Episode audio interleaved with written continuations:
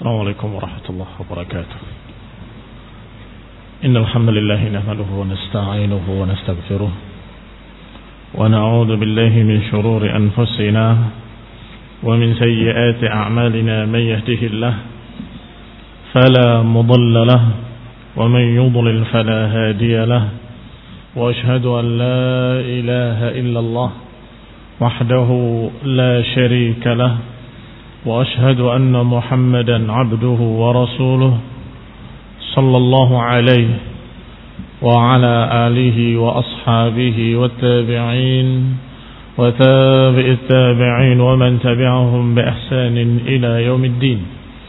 يا أيها الذين آمنوا اتقوا الله حق تقاته ولا تموتن إلا وأنتم مسلمون. يا أيها الناس اتقوا ربكم الذي خلقكم من نفس واحدة وخلق منها زوجها وبث منهما رجالا كثيرا ونساء. واتقوا الله الذي تساءلون به والأرحام. إن الله كان عليكم رقيبا. يا أيها الذين آمنوا اتقوا الله. وقولوا قولا سديدا. يصلح لكم أعمالكم ويغفر لكم ذنوبكم. ومن يطع الله ورسوله فقد فاز فوزا عظيما. أما بعد فإن خير الحديث كتاب الله وخير الهدي هدي محمد صلى الله عليه وعلى آله وسلم. وشر الأمور محدثاتها فإن كل محدثة بدعة وكل بدعة ضلالة وكل ضلالة في النار. إخواني في الدين أعزكم الله. كده نجد كان كجيا كتاب ringkasan سيرة ابن هشام سامبي pada ucapan ابن هشام رحمه الله menukil ucapan ابن إسحاق dari Zuhri menyatakan haddatsani Abu Bakar ibn Abdullah ibn Abi Mulaika lamma kana yawm al-itsnain dikatakan oleh Ibn Abi Mulaika ketika hari itu hari Senin kharaja Rasulullah SAW asiban ra'sahu. Telah keluar dalam keadaan diikat kepalanya ila subhi ay ila salati subhi. Keluar untuk menghadiri salat subuh. Wa Abu Bakrin yusalli bin nas. Dalam keadaan Abu Bakar sedang mengimami manusia. Karena sudah dipintrahkan sebelumnya untuk mengimami manusia. Falamma kharaja Rasulullah SAW tafarraja nas ketika Rasulullah SAW keluar manusia pun bergembira. Dan mereka memandang ke satu arah yakni mengarah pada Rasulullah sallallahu alaihi wa ala alihi wasallam. Fa'arafa Abu Bakr anna an-nas lam yasna'u dhalika illa li Rasulillah sallallahu Maka Abu Bakar pun paham bahwa manusia tidak seperti itu kecuali karena Abu karena Rasulullah SAW keluar.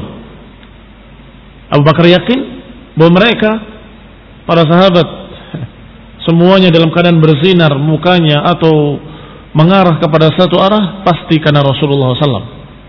Maka Abu Bakar mundur dari tempat pengimaman mengharapkan Rasulullah SAW mengimami. Ya. Fanaqasa ala musallahu atau an musallahu. Beliau mundur dari tempat salatnya. Fadafa'a Rasulullah SAW fi dhahrih. Maka Rasulullah SAW mendorong dari punggungnya dan berkata, "Salli bin nas." Mendorong punggungnya dan berkata salli bin nas salatlah engkau mengimamkan manusia. Kemudian Rasulullah SAW duduk di samping Abu Bakar. Ila janbihi. Berarti yang mengimami Abu Bakar Rasulullah SAW duduk di sampingnya. Tetapi Abu Bakar radhiyallahu taala anhu tetap dalam keadaan tidak mau dia mengimami Rasulullah SAW maka tetap Abu Bakar salat mengikuti Rasulullah SAW. Ini azakumullah. Ya. Satu kejadian di masa Rasulullah SAW dalam keadaan kaum muslimin mengikuti salatnya Abu Bakar, sedangkan Abu Bakar mengikuti salatnya Rasulullah SAW. Fadafa'a maka Nabi menyatakan Salli bin nas Tetaplah engkau mengimami manusia Kemudian beliau duduk di sampingnya Fasalla qa'idan. Maka Rasulullah SAW salat dalam keadaan duduk. Di sebelah kanan Abu Bakar Siddiq. Falamma farigha minas salah. Ketika selesai salat Aqbala ala nas. Setelah selesai salat Nabi pun menghadap kepada manusia. Fakallamahum rafi'an sautuhu. Beliau berbicara dengan mengeraskan suaranya. Hatta kharaja sautuhu min babil masjid. Hingga keluar suaranya terdengar dari luar masjid. Di antara ucapannya, Ayuhan nas, su'aratin nar, wa aqbalatil fitan, kaquta'il laylil mudlim.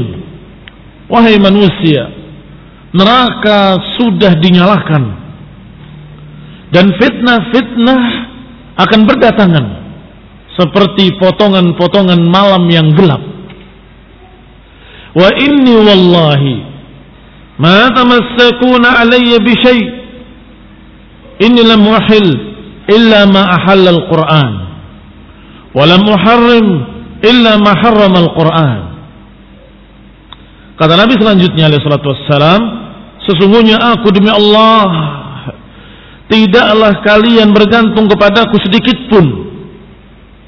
Aku tidak menghalalkan Kecuali apa yang dihalalkan oleh Quran. Aku tidak mengharamkan Kecuali apa yang diharamkan oleh Quran. Artinya kalian berpegang dengan Al-Quran. Rasulullah SAW menjelaskan Al-Quran Menerangkan Al-Quran mengajarkan bagaimana mengamalkan Al-Quran. Karena Nabi SAW khuluquhul Quran. Akhlak beliau Al-Quran. Tingkah laku beliau Al-Quran. Beliau Al-Quran yang berjalan. Qala falamma fariqa Rasulullah SAW min kalamihi ketika beliau selesai dari ucapannya Qala lahu Abu Bakar Abu Bakar pun berkata kepada Rasulullah SAW Ya Nabi Allah, wahai Nabi Allah, inni araka qad asbahta bi ni'matin. Aku melihat engkau pagi ini dalam keadaan baik di atas kenikmatan dari Allah Subhanahu wa taala. Wa fadlin kama nuhib. Kelihatannya engkau dalam keadaan baik-baik sebagaimana kami kehendaki, sebagaimana kami inginkan. Sedangkan hari ini Yaum binti Kharijah. Hari ini adalah giliran anaknya Abu Kharijah, istri Abu Bakar Siddiq yang berada di luar Madinah, di daerah As-Sunnah. Ini menunjukkan adab dan akhlak Abu Bakar. Beliau tidak berani meninggalkan Rasulullah SAW. Sampai ke kelihatan Rasulullah sehat. Baru beliau berkata, Ya Rasulullah, aku melihat sepertinya engkau dalam keadaan sehat seperti engkau dalam keadaan baik sebagaimana kami inginkan. Sedangkan sekarang adalah giliran istriku binti Kharijah yang ada di sunnah. Apa atiha? Apakah aku boleh menggilirnya sekarang? Yani aku ingin menggilirnya berarti meninggalkan engkau. Jawaban Rasulullah SAW, na'am. Dan sungguh bukan hanya Abu Bakar. Para sahabat yang lain pun demikian menduga. Rasulullah SAW dalam keadaan sehat. Karena beliau sudah bisa keluar rumah, sudah bisa berbicara dengan suara keras, dengan suara lantang, maka mereka semua gembira. Rasulullah SAW sudah sehat.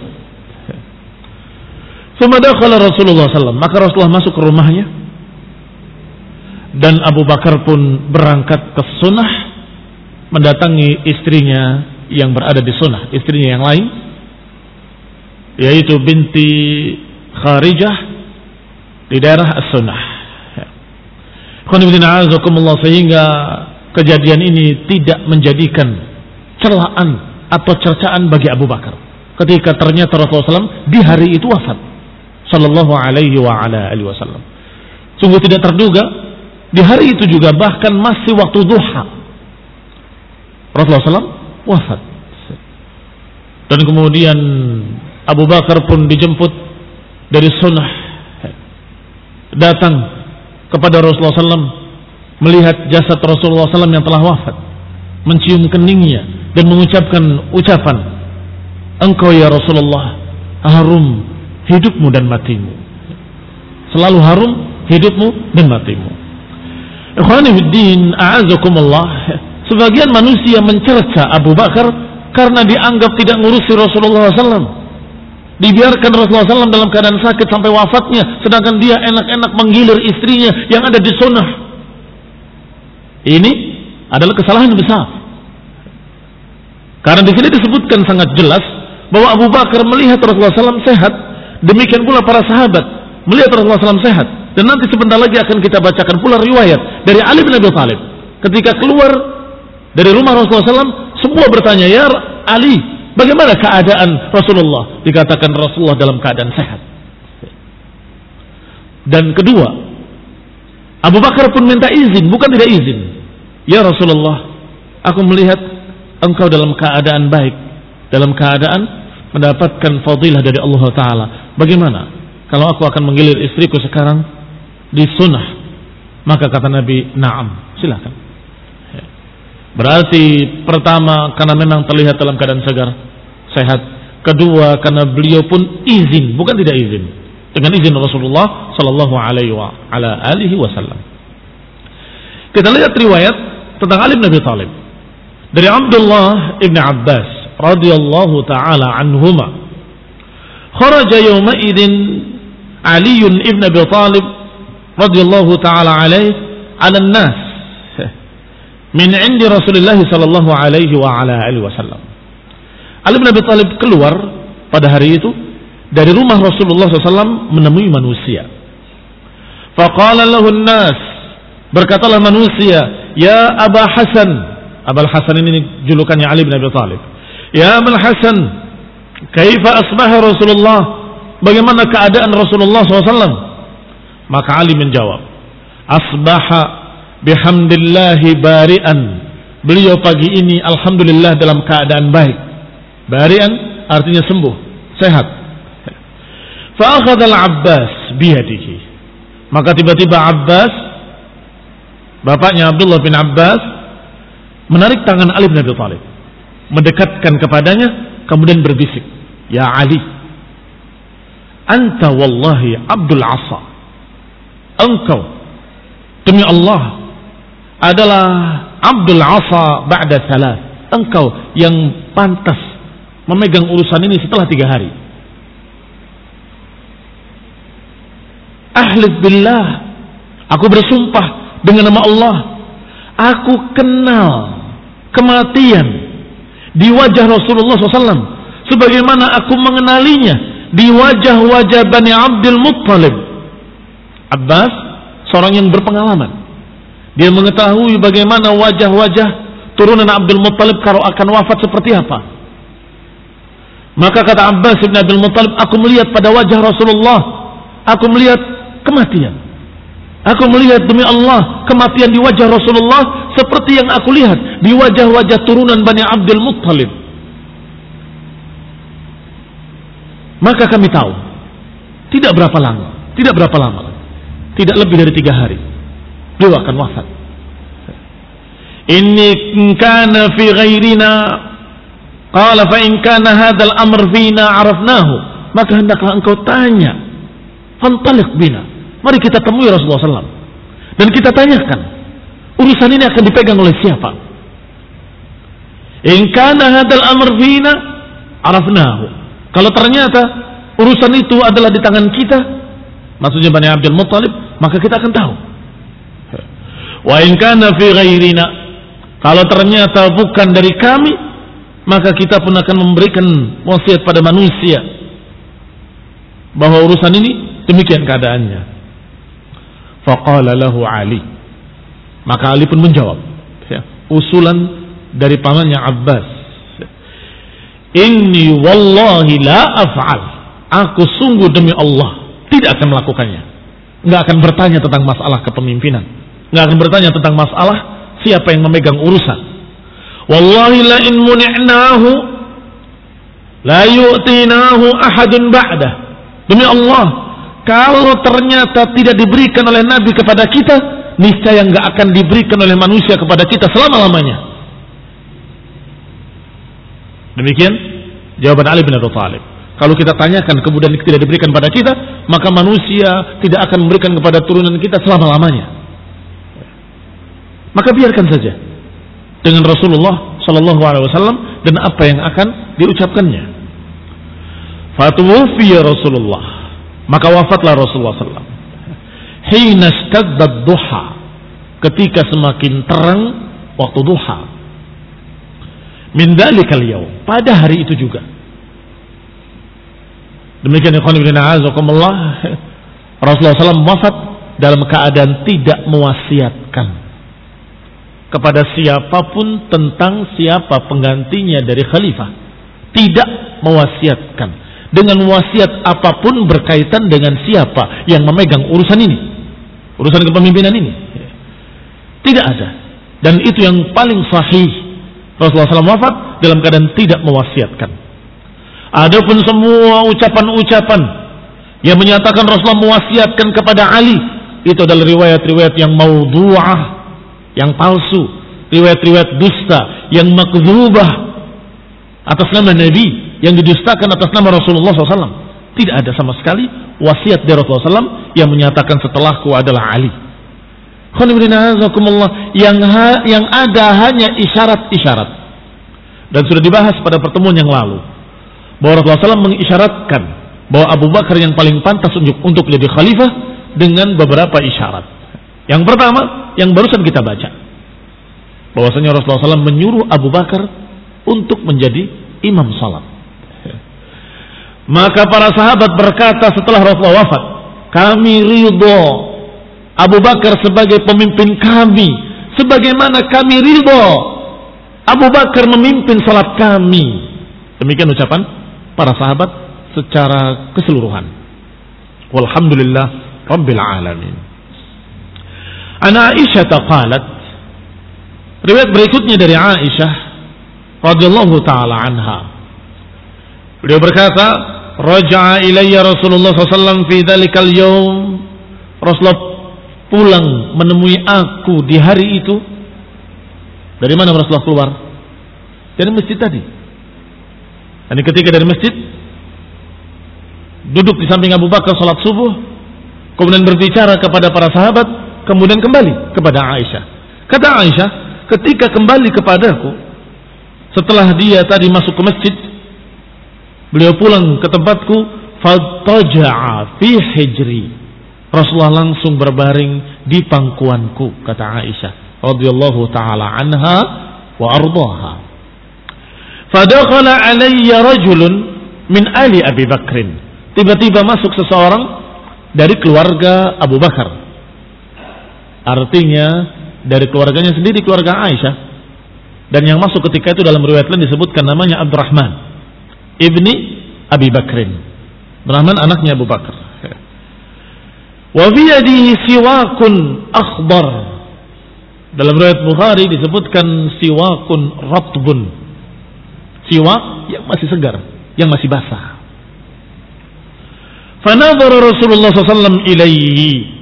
Maka Nabi pun melihat ke tangan Abdurrahman yang memegang siwak. Dengan nabaran, dengan pandangan yang kata Aisyah, aku paham bahwa Rasulullah SAW suka dan ingin untuk bersiwak. Nazara nadran araftu annahu yuridu.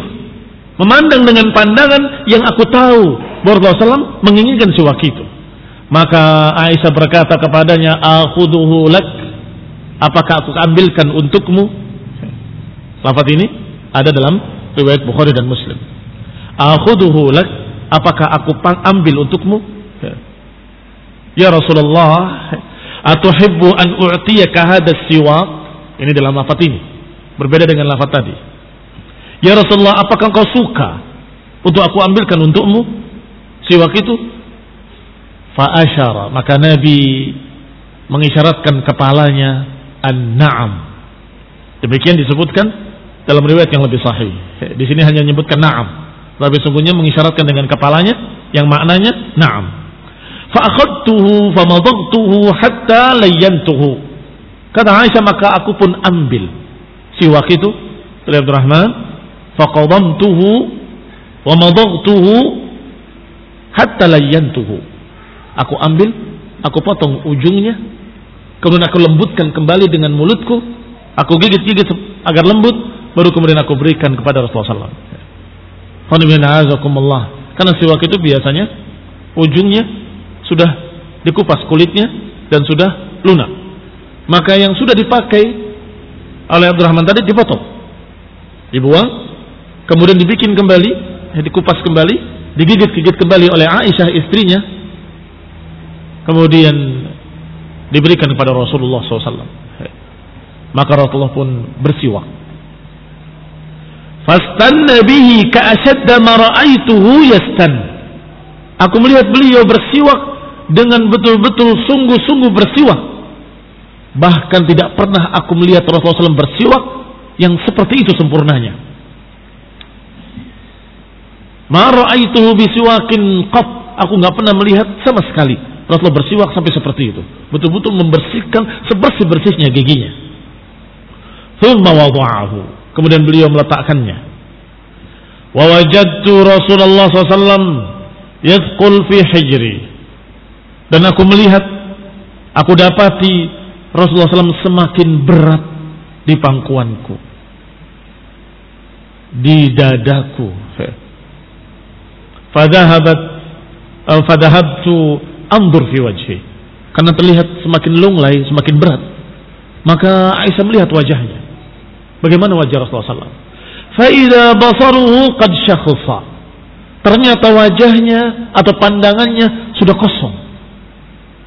Dan beliau berkata, Bali rafiqil a'la minal jannah.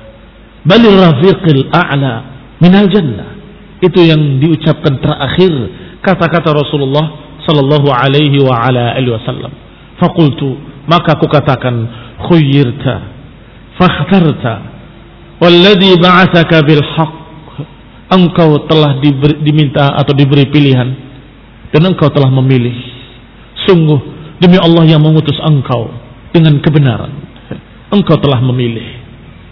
Aisyah paham karena Aisyah radhiyallahu taala anha di antara istri-istri Rasulullah SAW yang faqih yang cerdas dan alim banyak ilmunya Beliau pernah dengar dari Rasulullah SAW bahwa setiap nabi pasti akan diberikan pilihan ketika akan wafatnya.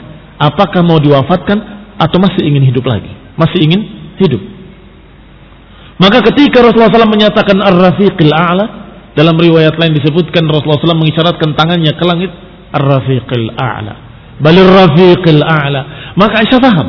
Itulah jawaban ketika malaikat sedang meminta pilihan kepadanya, apakah kau mau wafat sekarang atau ingin ditunda?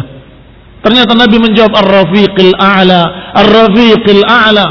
Kata Aisyah radhiyallahu taala anha, "Idzan la yakhtaruna." Kalau begitu beliau tidak memilih kita, beliau memilih Allah, beliau memilih wafat, beliau memilih untuk bertemu dengan Allah Subhanahu wa taala. Idzan la yakhtaruna. Kalau begitu beliau tidak memilih kita. Tentu Rasulullah SAW memilih akhirat. Memilih bertemu dengan Allah Subhanahu wa taala.